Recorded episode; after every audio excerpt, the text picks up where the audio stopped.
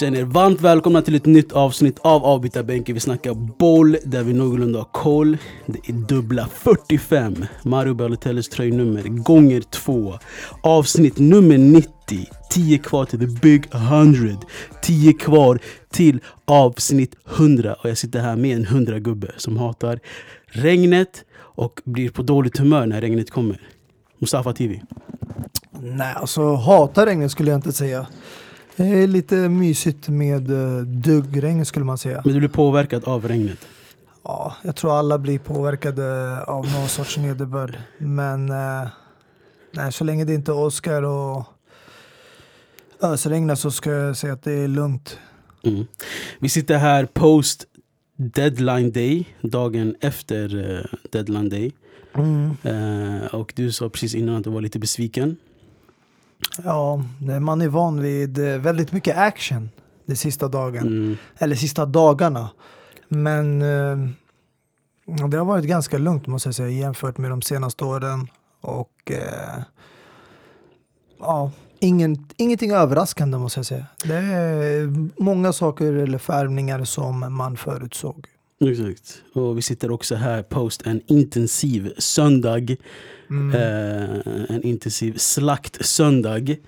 Inte bara en slakt, men hela helgen har ju varit. Exakt, så jag tycker ska vi använda oss av regnet, tårarna och känslorna och djupdyka i det här avsnittet. Jag tycker det passar bra ihop. Jag har tyvärr inte skrivit en sammanfattning för era helgen um, för att jag har... Jag loggade ut helt enkelt efter... Eh, alltså mitt i United-matchen. Från fotbollen. Uh, jag loggade in precis igår kväll för att följa den sista timmen av transfer deadline day. Jag vet jätte...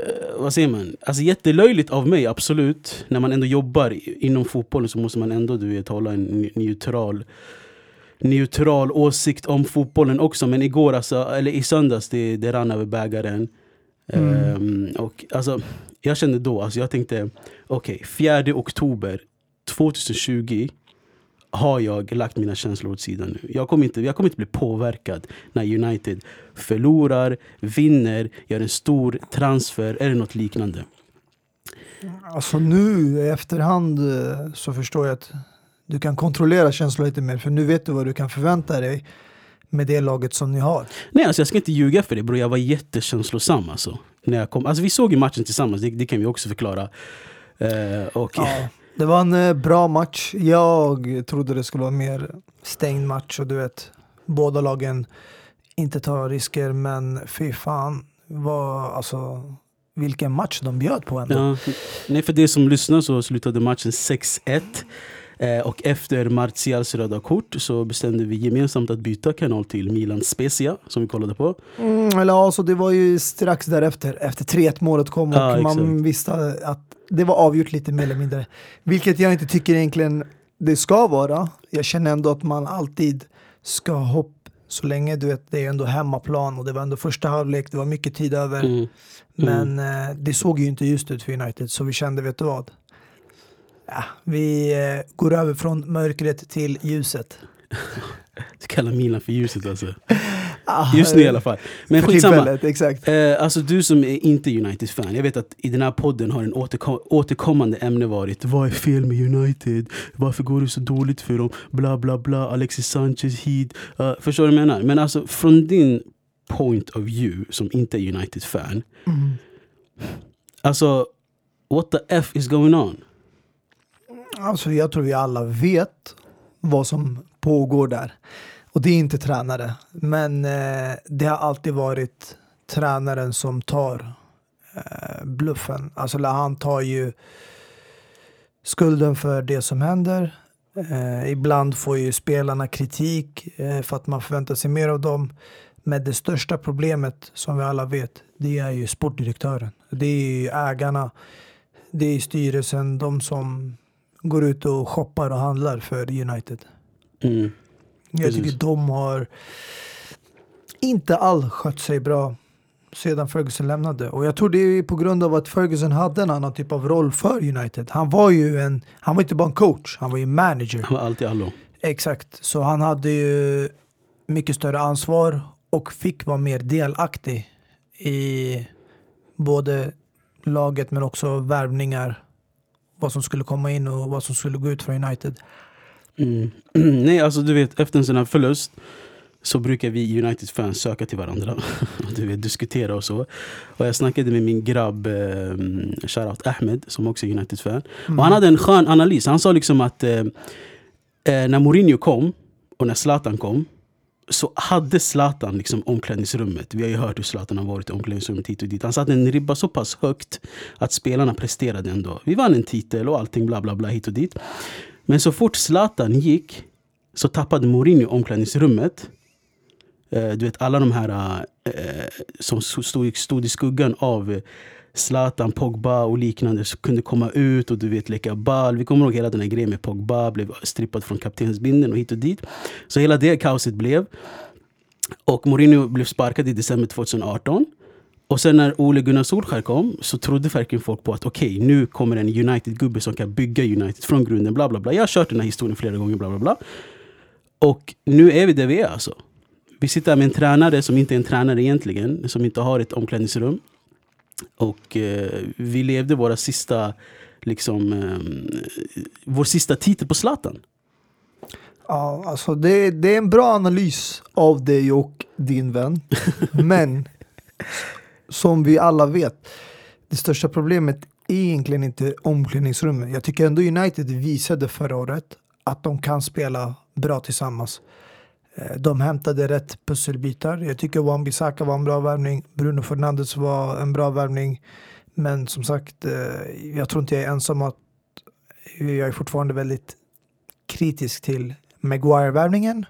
Kände att det var en desperat värvning. Man kunde ha kollat liksom åt andra håll som Nathan Ake och sådana här. Men ja, han, han har gjort, han har haft stunder där han är riktigt bra och han har haft stunder där han är väldigt lågt när det kommer till kvalitet och så. Men eh, han behöver övertyga verkligen, speciellt med tanke på den prissumman han kom. Men det största problemet som vi säger alltid, det har ju inte varit tränarna. Solskär tog United till en tredje plats. det är inte så illa. Han åkte ut i Europa League semifinal, man kan ha eh, förväntat sig en final åtminstone. Kanske förlorat där. Eh, FA-cupen samma där, åkte ut semifinal. Men jag tycker ändå med det materialet han hade så var det mer än godkänt. Mm. Sen är det Uniteds ansvar och då menar vi styrelsens sportdirektörer att bygga vidare från det man har åstadkommit. Så istället för att alltid kolla, du vet under Mourinhos tid också som du nämnde, även när Zlatan var där, kritiken hamnade oftast på Mourinho eller spelare som Pogba och sen när Zlatan lämnade Lukaku. Det var oftast de som var i omklädningsrummet men egentligen den stora syndabocken är utanför omklädningsrummet. Han satt på läktaren mm. ja. i United mot Tottenham. Mm. Och vi alla vet, det är Ed Woodward. Mm. Nej, jag håller med 100%. Och sen vet jag inte liksom om det är The Glazers-familjen som drar i trådarna där bakom och liksom inte tillåter honom förhandla liksom med 100% frihet och han är begränsad och det är därför det kanske inte kan få till värvningar som man ville ha i form av Jadon Sancho eller Osman ja, Dembele alltså som ryktas. Men eh, det har ju snackats mycket om att det är han som eh, styr och avgör när det kommer till värvningar. Så det är därför jag tycker det är han som eh, behöver bytas ut om det ska bli en stor förändring i United. För tränare kommer inte hjälpa så mycket. Ja, ja alltså allt är en, en shorba, allt är en röd tomatsoppa just nu. Ja, Men... alltså spelare, jag tycker det finns mycket potential i det här United. Många unga, mm. mycket framtid. Vi har sett när Martial, Rashford spelar som bäst. De kan vara riktigt bra. Mm. Bruno Fernandes. Nu har ni Donny van de Beek. Där bak har man liksom Matic, erfaren Pogba. På tal, om, på tal om Bruno Fernandes, hörde du ryktena eller? Vad som hände? Alltså han blev ju utbytt. Mm. Och varför han blev utbytt var att de hade rejäl tjafs, han och lagkaptenen Maguire. Och att Bruno Fernandes liksom krävde mer av Maguire och sa liksom alltså, vad fan gör du? Mm. Men han hade ju en ehm, liknande, liknande diskussion med där Lindelöf. med eh, Lindelöf förut. I Europa League, exakt. Men en, en annan analys, ja en sista analys. Det är att om publiken var med i den här matchen. I Old Trafford. 75 000 plus fullpackat. Skulle Mm. aldrig tillåta att United förlorar med 6-1. Aldrig. Ja, jag vet, du vill ta upp det här med City 2011, Ja. men det är ändå City. Okej? Men det var ändå, Det är ändå utan derby. rött kort. Jag vet men det är derby, det är City, det är Mario Balotelli I always me. Förstår men det är hela den grejen. Men ska vi förlora mot... mot, mot det här är ändå ska vi förlora mot eh, Dombele, Son och Region? Jag tycker Och det de är ingenting att skämmas och Nej. nämna spelare som Son och Harry Kane. Nej men utan, utan att du ska sitta här och, och, och, och, och liksom, du vet, kasta skit på mig, absolut, jag, jag tar det. Men tycker du inte jag har rätt på något sätt? Om publiken var med, skulle de tillåta det här? Alltså det är en stor sannolikhet att inte tillåta, självklart skulle de inte. De skulle vara riktigt förbannade men jag tror med stor sannolikhet att resultatet kanske inte hade varit så stort.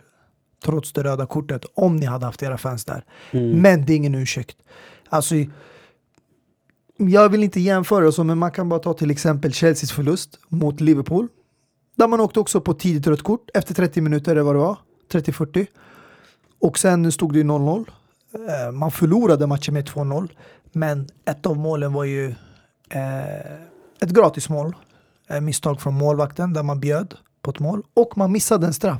Men i helhet över 90 minuter och, alltså, jag tycker ändå det var en bra match. Det var inte så att man blev krossad av Liverpool, förstår du vad jag menar? Mm. Och Liverpool, vi kan alla vara överens om, är ett bättre lag än Tottenham. Precis. Så jag känner ändå att det känns som att United, alltså spelarna, de är bra, men vet du vad de saknar? Den här... Äh, det, alltså, det finns vinnarmentalitet, men sen finns det den här mentala styrkan att återhämta sig. Och då menar inte jag bara efter en förlust, men mitt under en match, där du ligger under och du är hårt pressad. Kan du komma tillbaka från det under samma stund? Det är det jag aldrig sett i United. Har de någonsin vänt en 2-3-0 match till en vinst eller oavgjort? Med tre mål eller två mål? Det händer inte ofta, det är det jag menar. Och det är därför jag alltid har varit skeptisk till Liverpool. Liverpool är ett skitbra lag. Och inte bara förut sa var att det var bara deras elva, de behövde bredda truppen. Nu har de breddat truppen, de har bra spelare. Men även där, förra året när de vann, det var många matcher som avgjordes i sista minuten. Jag vet inte om du minns det? Mm. Men det var många matcher där det stod 1-1 eller 0-0 och då är 90 minuter och de får till ett mål eller en straff och det var mycket VAR-situationer. Och de fick, ja, eh, City- men 99 City har också eller haft- 98 poäng. Men jag tyckte ändå så här, de hade väldigt mycket flyt med sig. Och det är därför jag kände att det här året, med det här laget som Chelsea har, och City har ju mer eller mindre det samma lag förutom Leroy Sané som har lämnat. De kan utmana om ligan, alla kan utmana. För jag tycker inte Liverpool är så överlägset bra. Mm. Nej men eh, som du är inne i, det som fick mina alltså, smilband att lyfta på sig några millimeter i alla fall efter den här förlusten. Det är att Liverpool stal lite rampljus från oss också i 7-2 matchen. Innan vi går över till den, ska vi ta och lyssna på vad Evra sa i Sky Sports. Det kan vi göra. I get the feeling you just would rather be anywhere else but here right now. You know, Alexis Sanchez made a comment. He say when he signed from United at his first training session, he asked his agent to to end up his contract. That's why I'm going to ask to Sky. I really would like to end up my contract with Sky because it's my second game. I'm a positive person, and I never want to talk about United because when you tell the truth, it can hurt. And I'm passionate, and I love my club. But, uh, you know, I know you have to have some filter when you talk on TV, but he's a, he's, he's a shamble. Like Gary Neville, I heard, hear him say, oh, Captain Maguire needs some holiday, a break to go for your national team. We always talking about pairing him with someone, but what about take him out of the squad? And I, I don't want to start to criticize player. You know, I am someone, I've been there, so it's really difficult. I make many comments about the board, but to, to, to, tonight is no one having any excuse. Like they let down all the United fans, and I, I don't care about the result because I've been beat 6-1, but it's just about every year is the same story, and I'm, I, I feel now what all the United fan right now. That's why I prefer even to comment different game than the United game if I keep working for. Well, good news is we've got a different game to come, Liverpool Villa. So I'd appreciate it if you don't go just yet. But I, and I know you're emotional about it. We, Vår watching fellow röda lag som delade rampljus med oss också och ändå fick vår slakt att se lite mindre ut. I Liverpool som förlorade 7-2 mot Aston Villa. Mm. Det kändes som att eh, de båda röda lagen befann sig i slakthusområdet igår. Du menar rött blått? Exakt. Det, Det- är alltså... Det är ingenting man kan ta ifrån dem, men jag vet att många skyller på skadade spelade och vissa som är kanske frånvarande. Och eh, det finns många situationer där andra lag också har det, men man nämner inte det när det gäller motståndarlagen. Absolut, Sadio Mané, enligt mig själv också, jag tycker det är Liverpools bästa spelare just nu idag. Men du ska fan mig inte torska med 7-2 bara för att du saknar en spelare. Men det var inte bara han. Alisson Nej, men äh, ja, också. jag vet att det inte bara var han. Men alltså, det, det, det är inte okej. Alltså, du är ett topplag, du är regerande mästare. Du ska kunna hantera några skador, även om det är några nyckelspelare mot andra lag. Och då pratar inte vi liksom om bara mittenlag och bottenlag. Du ska kunna ändå ge match mot ett topplag som United, City, Chelsea, även med de här skadorna. Du ska kunna hantera den här situationen på ett bättre sätt. Och det här är inte okej alltså för varken Jürgen Klopp eller Liverpool. Men som man säger, alla kan ha en dålig dag på jobbet. Men det här var inte dåligt. Det här var en, Ja, men det här var en... det här var en Förjävlig dag. bedrövlig dag gånger eh, miljoner. Men å andra sidan, jag tycker ändå man ska inte glömma bort att Aston Villa är ändå ett jättebra lag. Många påpekar att ja, de var nära relegation, åka ner och de klarar sig med, eh, liksom på gränsen. Men när du kollar på kvaliteten på laget de har och sen har de hämtat in det här nyförvärvet som stod för ett hattrick, Williams. De har hämtat in Ross Barkley från Chelsea. Och sen har de eh, hämtat in ett par spelare där bak också i försvaret. Du tänker på Watkins, inte Williams. Watkins, eh, ber om ursäkt. Det är riktigt bra lag det här. Alltså det är ett starkt lag som jag tycker förra säsongen underpresterade. De borde inte varit där nere vid bottenstriden. Nej, alltså man får tillägga, som du sa, Jack Grealish, Watkins. Eh, även Douglas Luiz som blev uppkallad till brasilianska landslaget nyligen. Eh, då en Ja- eh, McGinn, McGinn som, som, var bra i förra säsongen bra. i början. Sen hämtade de in eh, titelvinnaren Emi Martinez i buren från Arsenal. Som har ändå Exakt. erfarenhet från Arsenal, varit utlånad ett par gånger och, Och- vann ändå titeln åt dem. kuppen. Han stod i buren när de vann FA-cupen Community Shield och sedan hans ankomst till Aston Villa har han gjort det riktigt bra. De har ju vunnit alla matcher. Jag tror han har hållit nollan i två av dessa matcher. Men han har gjort det riktigt bra och visat varför liksom de valde att spendera de här pengarna för att hämta in honom. Precis. Så eh, jag tycker Aston Villa har förstärkt på rätt ställen och Jack Grealish visade verkligen varför Aston Villa krävde 70 miljoner för honom. Eh, nu slutar det med att han förlängde så det verkar inte som att han kommer lämna på ett bra tag. Men han gjorde ju två mål och tre assist. Jag Mm. skulle säga att han var helgens bästa spelare. Ja. Eh, och man ska också tillägga landslagsbacken Tyron Mings och nyförvärvet Burton Traoré som kom in och eh, den alltså mediterade landslagsytterbacken El Mohammadi, Egyptien. Så Mm. de har ändå spelare att jobba med, med en bra eh, tränare tycker jag också. Och sen tycker jag så, okej fine, 7-2, en förlust, 1-0 är också en förlust. Bo- I båda matcherna så förlorar du tre poäng. Det, det, det, det är som det är tyvärr. Spelar ingen om du förlorar 10-0 eller 1-0. Eh, men det här, det, jag tycker det är bra, det är mänskligt. Liverpool blir mänskliga igen. Eh, de får komma ner på jorden igen. Man, man Bror, tar de lite blev- press från dem. Alltså en förlust är mänskligt bror. Men det här, de, blev, Sju mål är inte mänskligt. de blev valpar de, va? de här kom inte ner på jorden, de blev begravda under jorden. alltså det är för jävligt. Alltså det är som jag sa, alltså det är inte okej. Du har en trupp, du ska kunna hantera skador och spela som borta. Ja, man är Alisson självklart. Men Adrian spelade förra året flera gånger när Alisson var borta. Och eh, Mané har haft lite små skador här och där. Du har hämtat in Diego Jota. Du har valt att behålla Shakiri. Du har massa spelare som du ska kunna använda och utnyttja. Mm. Men jag tycker det är andra spelare som bör kritiseras. Spelare som Firmino som har verkligen underpresterat. Inte bara nu början av säsongen men även förra året. Jag tycker han har tappat väldigt mycket sedan eh, deras Champions League-vinst. Förra säsongen eh, Alltså han gjorde väl, vad var det? Ett mål sista matchen i Anfield. Ja, under en hel säsong. Exakt. Och det är ingen ursäkt att säga att man är en falsk nia. Nej. Mer mål ska man ändå kunna göra även om du är en, mer en typ av spelfördelare. Inte för att dra för snabba slutsatser, men hade du Liverpool som etta? Nej, jag hade ju Chelsea. Chelsea, just det. okej. ja, det är modigt, men som sagt, jag, jag ser inte långsiktigt hållbarhet i vissa lag. Jag tycker vissa lag har eh, överskridit förväntningarna och har lite för mycket hype runt omkring sig. Men eh, time will tell, som folk brukar säga. Och eh, det, det kommer bli intressant Exakt. eh, ju mer säsongen eh, går över liksom till ett stadie där man märker vilka som tävlar om topp fyra och vilka som utmanar om ligatiteln. Exakt. Efter, det är ett landslagsuppehåll nu. Efter landslagsuppehållet möter Liverpool Everton, Merseyside Derby. Det- Jag tror det är Evertons största utmaning. Okej, de har mött Tottenham förvisso, men det kommer en stor match. Men vi var inne på The Blues, Chelsea. Om vi ska snacka lite om Chelsea utanför fotbollen så kom det upp nyheter att eh, Tammy Abraham hade en liten gada hos sig. Där han bjöd in Chilwell och Gino Sancho bland annat. Han hade faktiskt ingen gada. Alltså det är det, en som är lite gathering. roligt.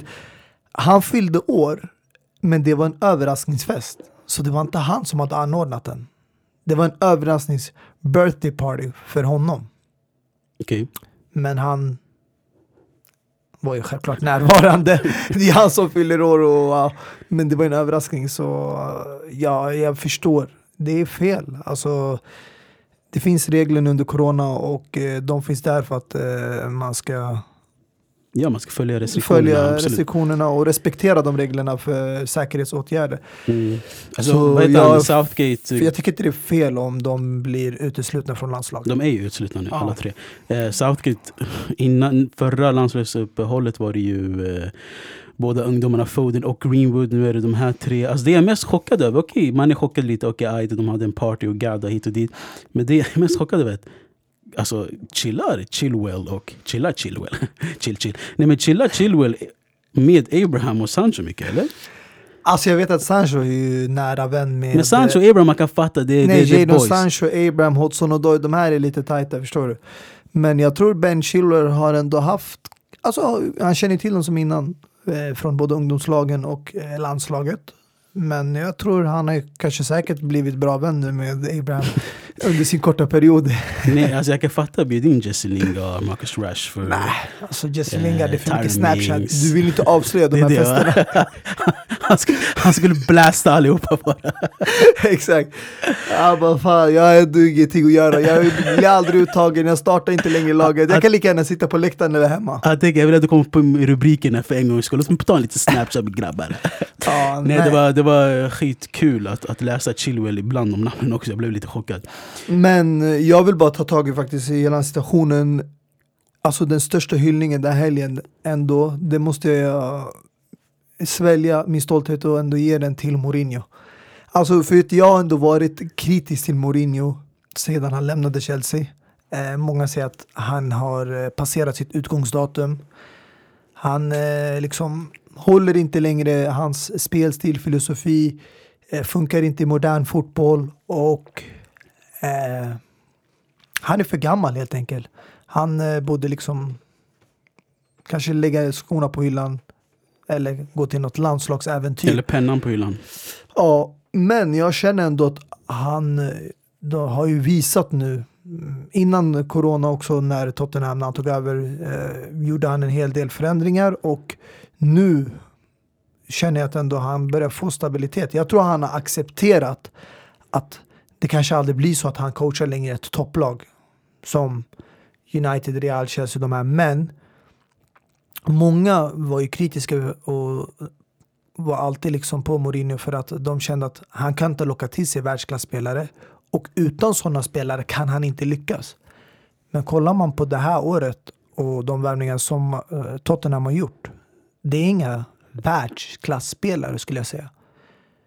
Mm. Matt Doherty från Wolverhampton. Eh, Hojberg från Southampton. Eh, och sen den här eh, Vinicius eh, på lån med option att köpa anfallaren från Benfica som är oprövad i Premier League och Europa. Alltså det är spelare som egentligen inte eh, på förhand man skulle säga med United eller förlåt, Tottenham kommer inte lyckas med det här. De kommer inte kunna åstadkomma någonting för att de inte har gjort bra värvningar. De har inte förstärkt laget. Men jag tycker ändå Mourinho har gjort det bra med de här värvningarna. Mm. Det enda stjärnvärvningen de har gjort, det är Gareth Bale. Och han har inte varit på planen än. Mm. Han har inte fått debutera. Så hittills har ändå han åstadkommit bra. Han, han lyckades ut Chelsea på straffar med nöd och näppe, men de gjorde sitt jobb. De kom solklart ut vinnare i Europa League-kvalet var Klara för gruppspel och slog United med 6-1. Även om det var rött kort, det var ändå en stark insats av laget i helhet. Så jag tycker ändå han förtjänar en hyllning för det här han har gjort nu början av säsongen i eh, Premier League och eh, ja, kuppen och så. så Ja, du får applådera ensam Mourinho i den här studion idag för jag... eh, det är lite tufft, jag förstår, för att han var tränare i United, men han var också tränare i Chelsea. Nej vad fan alltså. Jag känner bara lite sympati för att folk har varit hårda mot honom, men nu han ändå visar liksom att han kan coacha mindre lag. Han behöver inte ha topplag och bara världsklassvärvningar. Mm. Vi får väl se hur det går för Mourinho och hans Spurs i framtiden. Det har ju spelats en hel del fotboll i Italien också. Bland annat vann Milan sin tredje match mot Spezia. Eh, det var en stor match mellan Lazio och Inter där de spelade 1-1. Eh, men den största snackisen ändå är Napoli-Juventus. Inte i liksom matchsammanhängande snack som vi kanske skulle sitta här efter matchen och snacka om resultatet och så. Men att matchen inte blev av. Juventus kom ut på plan eh, med en hel start 11 och allting. Mm. Men Napoli-spelarna var inte på plats. På grund av att de har ett hårt coronadrabbat lag och fick eh, liksom ehm, råd från hälsomyndigheten att ingen ska åka till Turin. Mm. Och liksom fotbollsförbundet i Italien sa att vi har eh, tydliga regler och Juventus blev tilldömda 3-0-segern. För att inte, det blev en walkover, alltså WHO, Mm. för Napoli. Så egentligen det jag undrar är, vem står högst? Står hälsomyndigheten högre än fotbollsförbundet i Italien eller är det tvärtom? Eller, alltså, Alltså jag tycker helt klart i den här situationen att Juventus har fel. Napoli borde ha fått tillstånd att avstå från den här matchen och flytta fram det till ett annat datum. Just för att Uefa har ju en regel att har du minst 13 spelare tillgängliga då ska du spela match. Det finns ingen ursäkt, man kan inte komma undan från det. Och det betyder med andra ord att det minsta antalet spelare du kan ha det är ju att du har 11 man ute på plan och två på bänken. Eh, har du färre än så, då avbokas matchen. Mm. Men i det här fallet när det gäller hälsomyndigheterna och eh, vi pratar om corona eh, som du nämnde tidigare, där Napoli blev ju drabbat efter matchen mot Genoa och som hade hela, då hela 14 s- eh, personer som var drabbade. Jag tror det var fyra eller fem personer inom eh, i själva, eh, staff, alltså som är coacherna och så. precis, men sammanlagt var det 14 som var med i... På plats där mot- i Napoli när de vann och eh, ja, nio spelare. Och eh, jag tycker Napoli ska ta de här säkerhetsåtgärderna, självklart. Alltså om du har så många spelare som kan vara infekterade och eh, påverkade av viruset och sen vissa andra som är skadade och du har bara 13 spelare tillgängliga som ska spela. Då borde ändå Uefa gjort ett undantag och liksom kollat till Men bort. grejen är, du, du, du ställer två problem mot varandra nu. Alltså, fine, Juventus kan vara den här, eh, vad säger man, good guyen och spela... Nej men det, är inte, det handlar inte om att Juventus egentligen ska vara good guy. Det handlar om att Uefa ska vika sig där. Och när Napoli gjorde en ansökan att strida mot att spela den här matchen och få den framflyttad.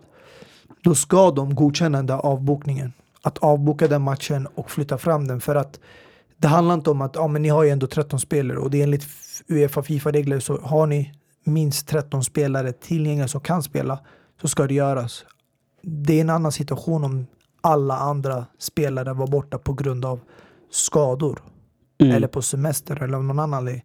Men vi pratar här om en sjukdom, ett virus som har drabbat inte bara Europa men hela världen. Mm. Det här är restriktioner som alla lag, alla ligor, alla länder bör följa och därför tycker jag att Uefa borde gjort en undantagen att godkänt Napolis ansökan och avslagit Juventus request om att ändå spela matchen och Ja. flytta fram det till ett datum där eh, det är mindre hetsigt på spelschemat. Jo, exakt. Men det, alltså, det blir en dominoeffekt bara, hela grejen. Alltså, jag det förstår, blir en dominoeffekt. jag men, förstår eh, Juventus. Alltså, de, eh, hälsan det finns och regler. Det, fin- ja, det finns regler och de sa okej, vi, alltså, ingen skulle tacka nej till en 3-0-vinst mot Nej, Napoli. nej, självklart inte. Alltså, som sagt, jag ser inte Juventus som the bad guy. Och de behöver inte heller agera som the good guy. Men jag tycker hela Det för situationen är, är, är helt otrolig. Jo, jo, men som du säger, ingen tackar nej till gratis tre poäng. Och eh, jag tror inte heller rivalerna runt omkring, Atalanta, Lazio, Milan, inte de här eh, blir ledsna över det. Alltså självklart, de tänker Juventus får gratis tre poäng, men samtidigt får en konkurrent, Napoli, som kan tävla både om ligan eller Champions League-platser, Mm. tre poäng förlust.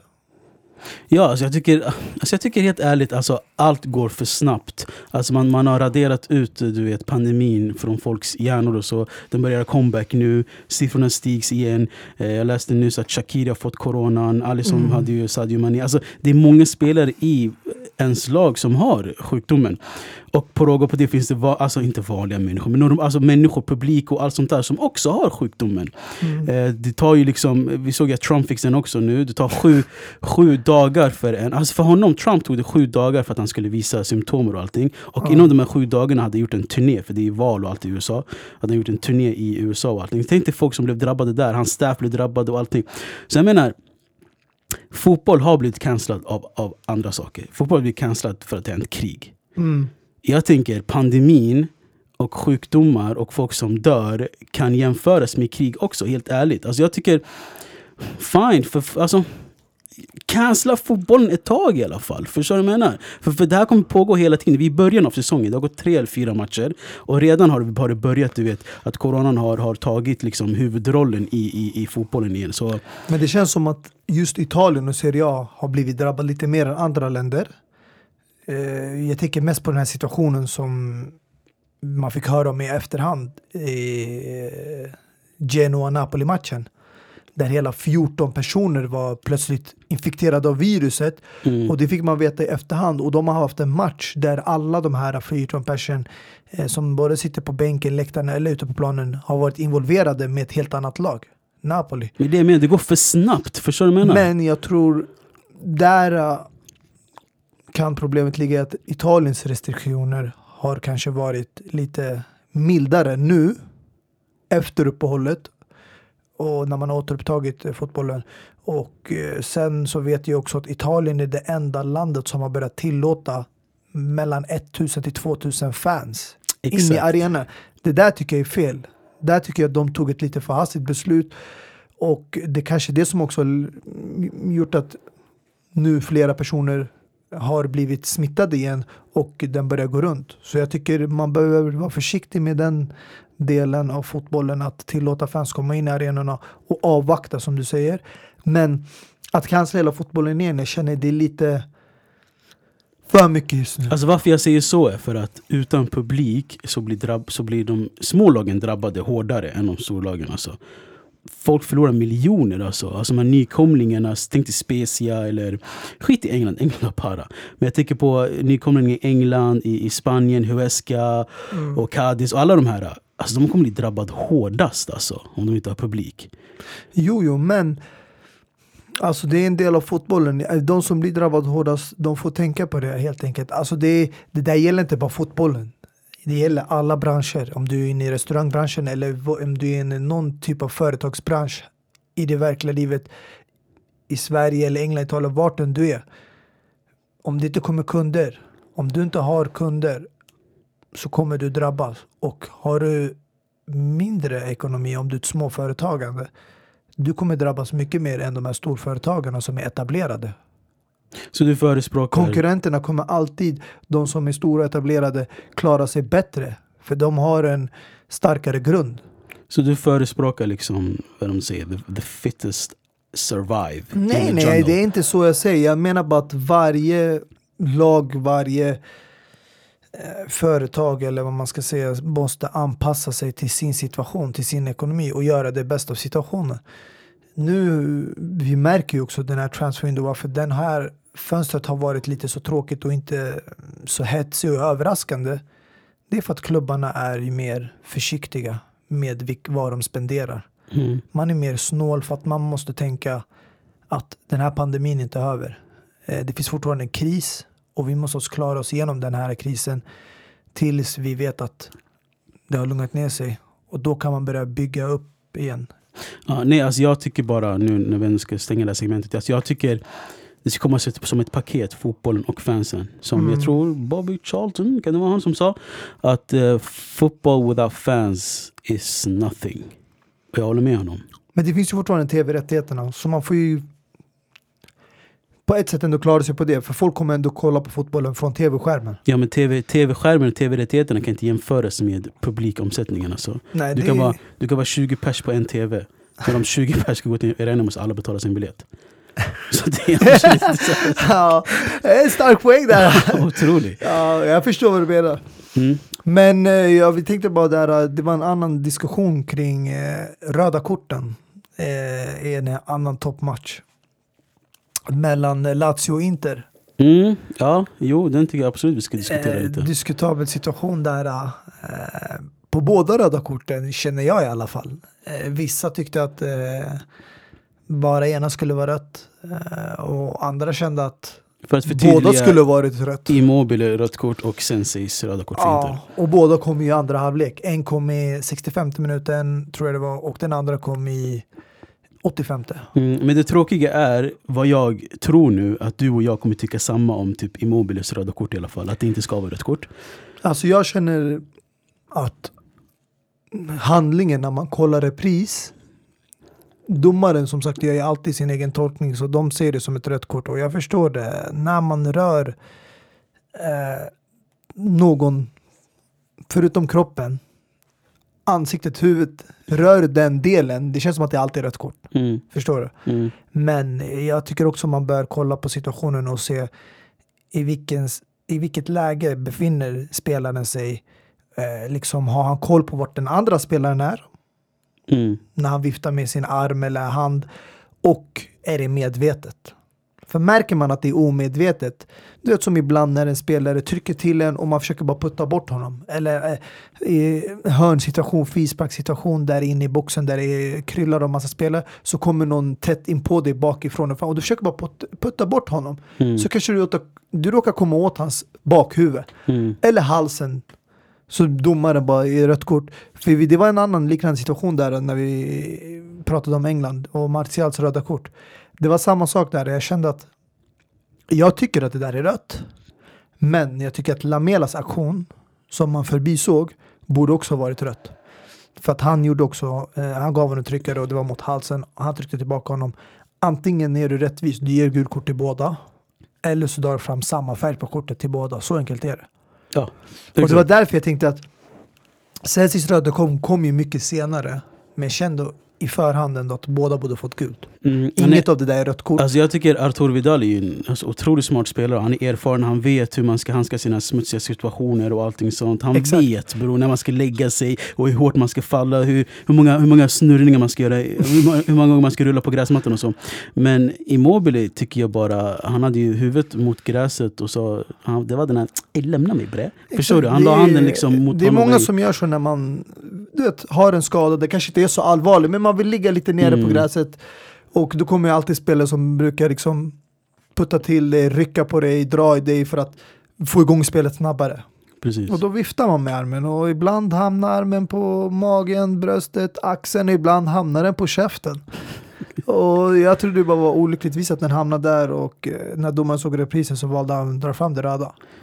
Exakt. Eh, som sagt, det är ett landslagsuppehåll som stundar, men efter landslagsuppehållet så väntar derbyt i Italien vill jag säga, men Milano-derbyt. Ja, Milano-derbyt faktiskt kommer bli intressant match. Alltså, jag tycker Milan har gjort det bra hittills, men jag tycker inte de har blivit testade. De har inte mött ett riktigt bra lag. Jag tycker det laget som just nu övertygar mig bäst eh, och eh, är i samma kategori som Everton skulle jag säga, om inte bättre också. Det är Atalanta. De har blivit testade, de fick möta på Lazio borta, har ju tagit nu full pott. Tre vinster av tre matcher och eh, fortsätter på samma spår eh, som de lämnade förra säsongen.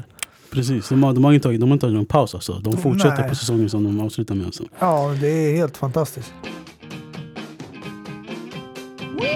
Ska vi ta och avrunda avsnittet med lite transfers? Som sig bör. Eh, vi sitter här 6 oktober efter fönstret har stängts. Eh, och det har ändå varit alltså, värvningar som eh, bör diskuteras och snackas. Men inga så överraskningar direkt. Alla Torres till Chelsea till exempel. Nej, Det exakt. var, det var dock januarifönstret men fortfarande. Även om man ska vara glad eller ledsen över det. Eh, Nej men det var en överraskning för oss alla. Alltså. Typ, eller den här Carol Suarez grejen. Ja, Den nej men jag, jag tycker eh, det här är första gången jag känner att det var mer intressant med värvningarna i början av transferwindot än i slutet. Mm, Det känns som att det var mer hektiskt och eh, mer saker som pågick under sommaren än nu slutet när de stängde. Precis, alltså, alltså, om vi ändå ska ta lite kron- kronologisk ordning. Om vi börjar i England till exempel. De märkvärdigaste. Thomas Partey till Arsenal för Atletico Madrid. Alex Tejes till United. Fick äntligen loss honom. Edinson Cavani blev presenterad igår också till United på en free transfer. Och ja, alltså, en, en, en stor snackis för oss också, svenskar, är Robin Olsen till eh, Everton. På lån. Mm. Sen eh, var det också så att ja, det är inte en märkvärdig värvning men Arsenal värvade ju till sig en svensk talang från Malmö. Eh, Hans, eh, man kallar honom den nya Ibra. Men eh, som sagt, vi tar ju aldrig sånt här seriöst. Vi har fått höra så många gånger att den nya Kaká, den nya Messi, den nya Cristiano. Men inte, var inte, vad heter han? Man tar det med en nypa salt Den här Interspelaren, den nya Kaka. Vad heter han? Ja, ehm, Som gick till Sunderland en sväng också. det var någonting med R. Rodrigo, P- Palacio. Ricardo, eller? Ric- ja, no, Ricky. Alvarez. Ricky Alvarez. Så var det. Just det. Nej men eh, det här är ju eh, från Malmös akademi i alla fall. Man kanske inte har sett honom spela så mycket. Nikolaj Muller. Han, heter han Nikol- Nikolaj Müller? Nej, Muller, alltså det är ett O utan prickarna, du vet, eller U-prickarna som eh, Thomas Müller. Men det finns en annan tysk spelare som heter Nikolaj Müller. En Mm. anfallare också. Som är, alltså jag tror han har presenterat, alltså, eh, representerat tyska landslaget också. Mm. Coolt namn. Eh, det för förvärvet gjordes av Arsenal, Ja. men det är en spelare som kommer gå in direkt i akademin. Men på tal om Arsenal, de, alltså jag tycker de har gjort bäst fönster. Eh, Partey var sista eh, pusselbiten. De blev av med eh, Guendouzi till Hertha Berlin också. Och Eh, Lucas Torreira som gick i motsatt riktning till Atletico Madrid. Precis. Så eh, Jag tycker det var en skitbra värvning. Jag hade, om jag ska vara helt ärlig, kände jag att det kan vara den sista pusselbiten de behöver. Det är någonting som fattas i försvaret också. Eh, jag är inte helt övertygad om eh, vänsterback Maitland Niles, Kolasinac och mittbackspositionerna. Eh, de har Gabriel och Saliba som är kvar som skulle lånas ut, David Luiz, men sen Sokratis och Mustafi som skulle egentligen ut från laget har inte de lyckats få iväg. Så Mm. jag känner ändå att det finns lite saker som bör redigeras där. Men mittfältet eh, verkar vara bra nu. Ja, exakt. Ja, alltså, jag tycker deras bästa värvning och största värvning är ändå Aubameyang, om man får kalla honom för en värvning när han skrev på kontraktet. Och jag tror Mm. utan Aubameyangs signatur skulle de inte kunna få Thomas Partey. Och det visar liksom alltså vi we mean business det här året. Mm. Vi ska tävla om, om, om titlar. Ja, det, det blir intressant. Eh, de har ju också William där uppe så det kommer bli ett bra lag att se fram emot. Eh, sen eh, truppmässigt vet jag inte. Jag skulle inte säga att det ser så ljust ut när man kollar på bredden på truppen. Men hittills ser det bra ut och jag tycker som sagt att Arsenal jämfört med andra lag har gjort det riktigt bra. Jag skulle säga det enda som har gjort det bättre är ju kanske Chelsea på papper. Mm, exakt. Även om vi inte snackar om Chelsea på transfer deadline, vi har snackat om Werner, Havertz och eh, Mm. Och, Det fanns ingen action från oss. Jag vet att folk är ju så vana att höra att Chelsea alltid aktiva och med sista dagarna. Ja, det är alltid någon överraskning som dyker upp. Men Ja, det här lilla- året, för första gången, så blev vi klara först. Ja. Vi gjorde klart allting i början. Alltså Werner och Ziyech var ju klara redan innan eh, säsongen avslutades. Det var ju under coronauppehållet. Exakt. När man avbröt eh, ligan i holländska eh, ligan och eh, sedan Timo Werner lämnade ju när det var det, säsongen var över i ligan. Men de hade ju fortfarande kvar Champions League-matcherna. Exakt. Efter- lilla snackisen är kanske att Ruben Loftus-Cheek som du har hyllat jättemycket av att han ska gå in start i elvan bla bla bla. Gick till Fulham på lån och ehm, att Rudiger stannade kvar i Chelsea trots allt. Ehm, det är typ det. Men alltså om vi ska Mm. snacka om eh, United då, som sig bör, hela det avsnittet. eh, har ju också snackats en hel del om att de skulle värva. Gjorde ju till slut värvningar i Tejes Cavani och eh, Diallo. Mm. Och en sista Pelistri som... Och en till. En försvarare, en ung talang, eh, Columba. Där, eh. Ja, exakt. De, de behöver vi inte snacka om ännu. Men Cavani, vad tror du om hans chanser i United? Alltså med hans ålder, eh, jag ser 33 år. att det är en bra, bra tillägg till det här unga United-laget. Eh, Jag vet att de har Igalo från Kina, men Igalo är ingen storlagsspelare. Cavani är en spelare som har spelat Champions League, varit i PSG och tidigare Napoli, erfarenhet från Serie A också och är en toppklassanfallare. Eh, jag tycker man ska förvänta sig mycket från den anfallaren. Eh, även om han är så pass gammal så har han några år kvar i sig. Eh, sen är det frågan om United och Solskär kan få ut det mesta av honom. Mm. Men eh, jag ser inte honom som en liksom, spelare som kommer starta varje match. 90 minuter varje vecka. Men självklart ska han få flera matcher från start och inhopp. Alltså, Så, alltså Martials röda kort öppnar ju upp för Cavani nu direkt in i startelvan skulle jag Mm. säga. Om han är matchfit, han har varit utan klubb någon, några, någon månad i alla fall. Men som du säger, det är en toppklassanfallare om man ska kolla på honom sådär. Är PSGs bästa målskytt genom tiderna. Passerade Zlatan efter en stund. Um, alltså, jag är bara rädd att det inte ska bli en Falcao part 2. eh, och att man eh, liksom eh, förväntar sig att, en, att han ska göra hela jobbet när det är skrot där bak. Det är ju det som är stora snackisen. Det är att man lyckades knyta till sig några värvningar i de sista dagarna.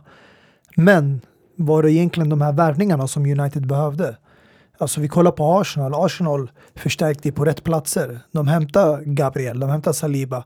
De hämtade förra året Kieran Tierney. För de vet att det var i försvaret det var ju mest problem. Mm. Eh, och eh, försökte lösa de problemen. Och sen nu i mittfältet har de ju saknat en riktigt bra defensiv. De har hämtat in Genduzi som nu gick på lån igen. De har hämtat in Torreira som inte har lyckats så bra, som också lämnat klubben. Och nu det här tredje försöket med Thomas Partey som då ska försöka göra det som inte Xhaka kan göra på hans position.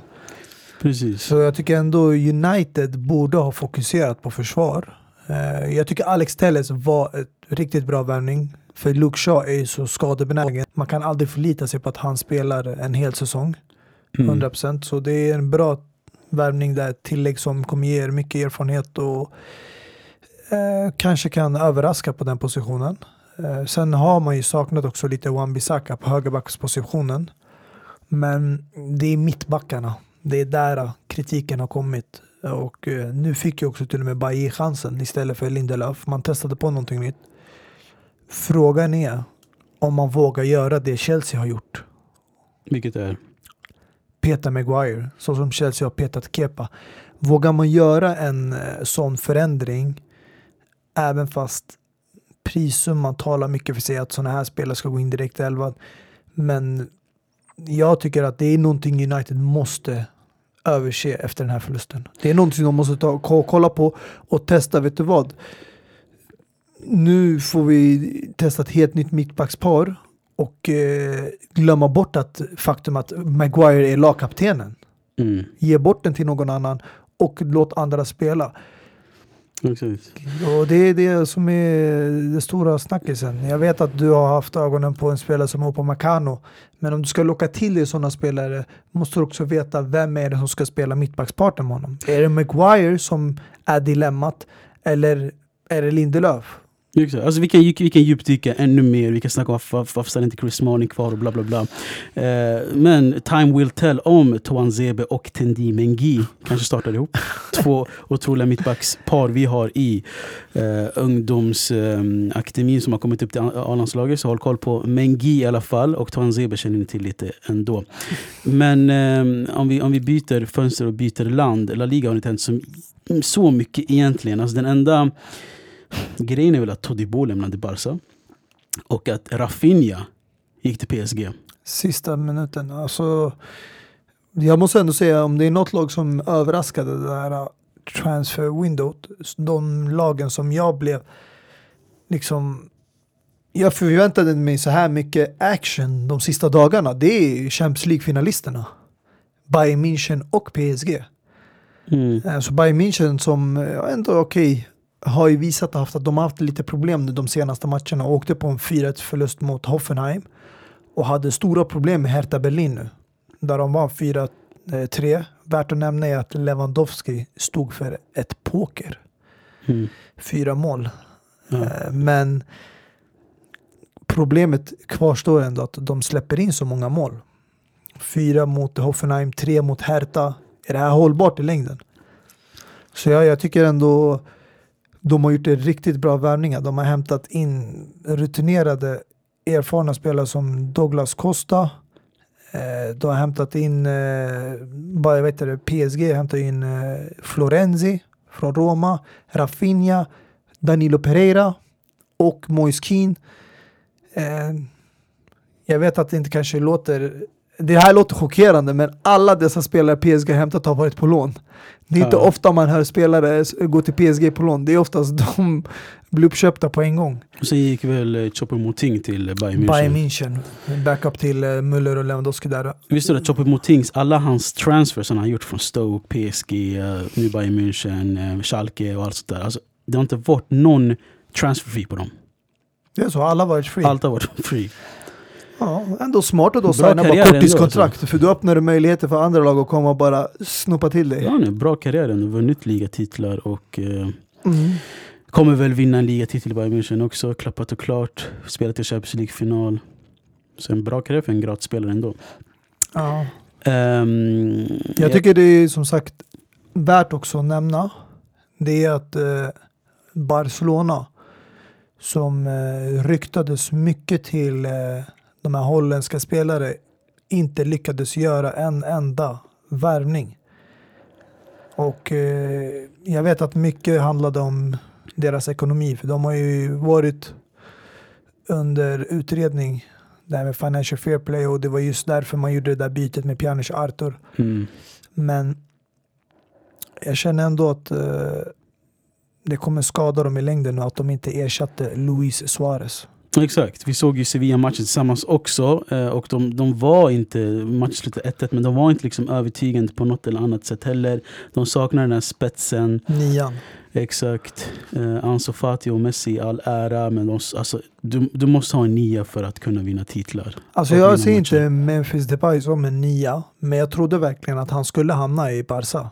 Eh, mm. Eh, för det såg ut som det ganska länge och eh, man tänkte när Suarez lämnade med hans lön så kanske det frigjorde lite plats i laget Precis. för eh, Depay att komma in. Men sen mm, snackades om att de behövde bli av med fler spelare. Och de sålde ju Rafinha eh, sista, eller det är lån tror jag, option att köpa mm. till PSG. Men de borde ändå hämtat in en uh, ersättare till Luis Suarez.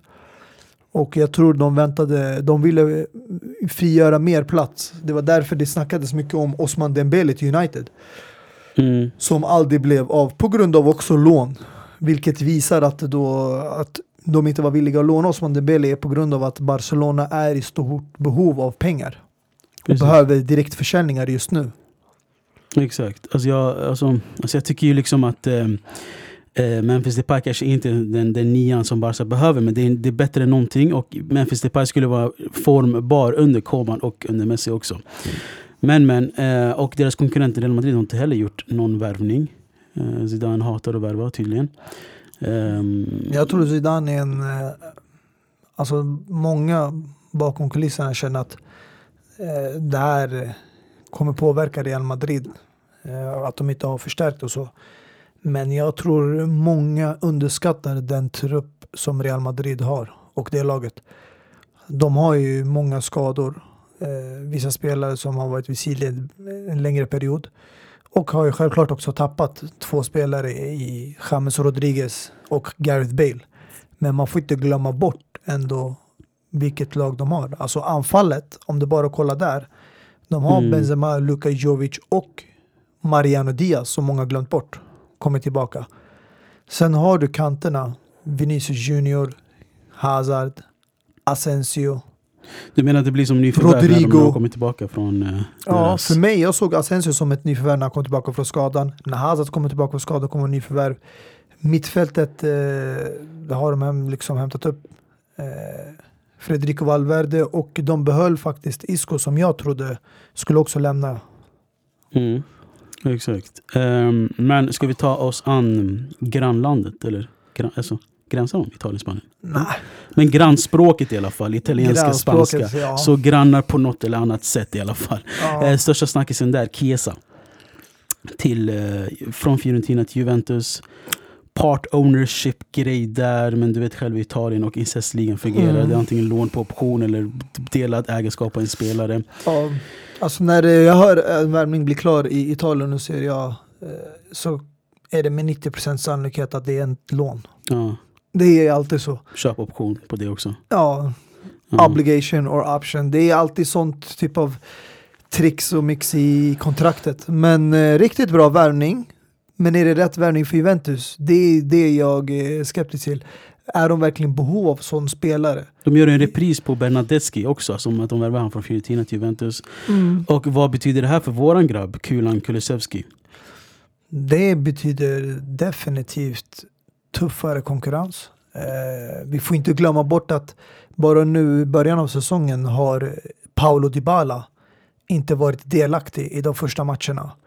Och eh, när den där spelaren kommer tillbaka från skadan och du har alla tillgängliga så kommer du ha där uppe Dejan Kulusevski, eh, Ronaldo, Morata, Dybala och nu då senaste tillskottet eh, Chiesa och Bernadeschi. Mm. Alltså det är många spelare. Jag vet att Douglas Costa gick ju på lån till Bayern München och det var därför man hämtade in Chiesa. Men jag kände inte att det, det var värvningen som verkligen man behövde, som Juventus var i behov av. Mm. Jag känner att mittfältet behövde fyllas på eh, för att de har tappat Pjanic, Matuidi, Kedira. Tre erfarna spelare och det enda de har hämtat in är ju Arthur som var bytet och sen McKinsey som egentligen är en oprövad spelare. Och försvaret, eh, där behöver de en vänsterback. Eh, De Chilio lämnade ju där eh, sista dagarna. Men eh, de har ingen reserv för Alex Sandro, vänsterbacken.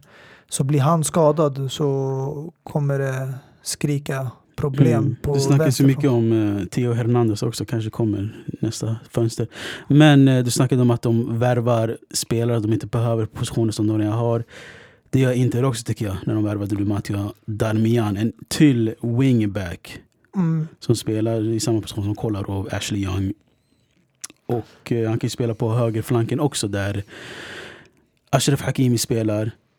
Och Dambrosio. Men det är skillnad också lite i de här värvningarna. För jag tycker Inter gör mer värvningar för att bredda på truppen. Det är inte spelare som måste gå in direkt i elvan. Alltså, självklart Kolarov har ju nu spelat de senaste matcherna, men han kan vara en spelare som sitter på bänken och roterar. Samma sak med Darmian och Vidal. Eh, men en spelare som Chiesa, jag förväntar mig att han ska gå in i direkt i elvan. När man kollar på den spelartyp och vilken kvalitet han besitter. Han har ju varit en av Fiorentinas bästa spelare de senaste säsongerna. Så och går du till Juventus ska du fan inte gå dit för att sätta dig på bänken. Eh, med, alltså vi vet ju att kanske alla italienska klubbar var ute efter en sån där spelare. Mm. Ingen skulle tacka nej till att ha honom i sitt lag. Nej, men time will tell. Alltså en annan, ett annat fönster som har gått under radarn lite, det det är Bundesliga som gjort, tycker jag, gjort bra värvningar. Alltså, alltså de här du vet, engelska slash holländska talangerna vet att man kanske ska hitta uh, sitt, sitt glöd där. Mm. Ryan Sessegnon gick till Hoffenheim. Justin Kluivert gick till uh, Leipzig på lån. Um, och uh, som sagt, vi har snackat om eh, Moting och Costa också. Och eh, jag tycker att, och eh, Matteo Guendouzi. Så många känner väl att Tyskland är väl eh, är det devisen Holland 2.0, att det är där vi kan hitta glöden igen och att man liksom, ja.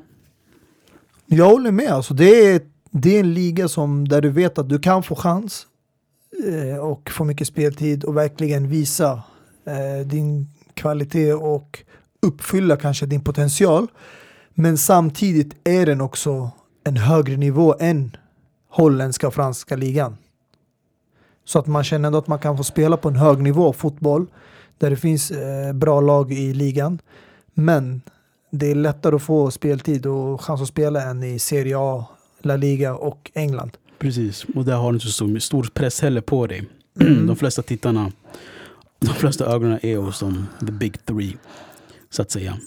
The big three. Ja. Alltså Spanien, England och Ja, Italien. jag tänkte du menar the big three inom Bundesliga. Aha, så nej, jag tänkte nej. det är väldigt svårt. Alltså, Ja, the vem är den two, tredje eller? Ja, Ja. det är för two, det är ett, alla vet självklart. Den tredje just nu är Leipzig. Som är i samma grupp som United Champions League. Dödens grupp Mm. för övrigt. Eh, eh, nej, som sagt, det har varit post transfers day, det har varit post slakt söndag. Jag tycker vi ska Ehm. avsluta med Champions League-kvalet. Ja, jag tänkte också på det. Sen tänkte jag, hinner vi med det? Vi är, vi, är, vi är uppe nu på timmen. Vi kan absolut snacka lite om det. Eller vill du spara det tills när Champions League är tillbaka? Eller vill du snacka lite kort om det? Du bestämmer. Jag tycker, vet du vad? Vi sparar det tills eh, dess så ska vi hämta in en gäst för att kunna avgöra så att det, att det blir eh, opartiskt. För att nu är vi två personer, så vi gillar kan ha två olika röster. Men då ska vi avgöra dödens grupp. Jag gillar det. Vila på den, sug på den karamellen, en timme i era lurar. Eh, så hörs vi väl någon gång nästa vecka. Det gör vi. Peace! Jag får skit för mina rader istället för att hylla mig med priser och pokaler. Polisen vet jag är kapabel. Kriminalvården flyttar runt oss som nomader. Där ute jag kan fylla lokaler. Där ute jag kan lägga en polislön på ett par sandaler. Min gun har gjort att jag undvikit ett par skandaler. Jag brukar byta bilar som folk byter kanaler. Ah, Project baby med höga riskfaktorer. Jag missar Petri Guld, jag satt med fulla restriktioner. Det händer inte mycket under solen. Jag smilar framför kameran, folk under bordet. Utanför musik, vi är hit snart. Vi går från Nike Air Max till kostym och slips. Stämplad ligist. Mitt liv är som en vers från Troublesome 96. Ey. I walk with the young and the heartless. We don't give a fuck, han är lawless. Jag är utomlands, pumpar flawless. Heartless, baby, är straight from the project. I'm just another brother making progress. Remy Martin och progress. Lätt att se, vi mår bra.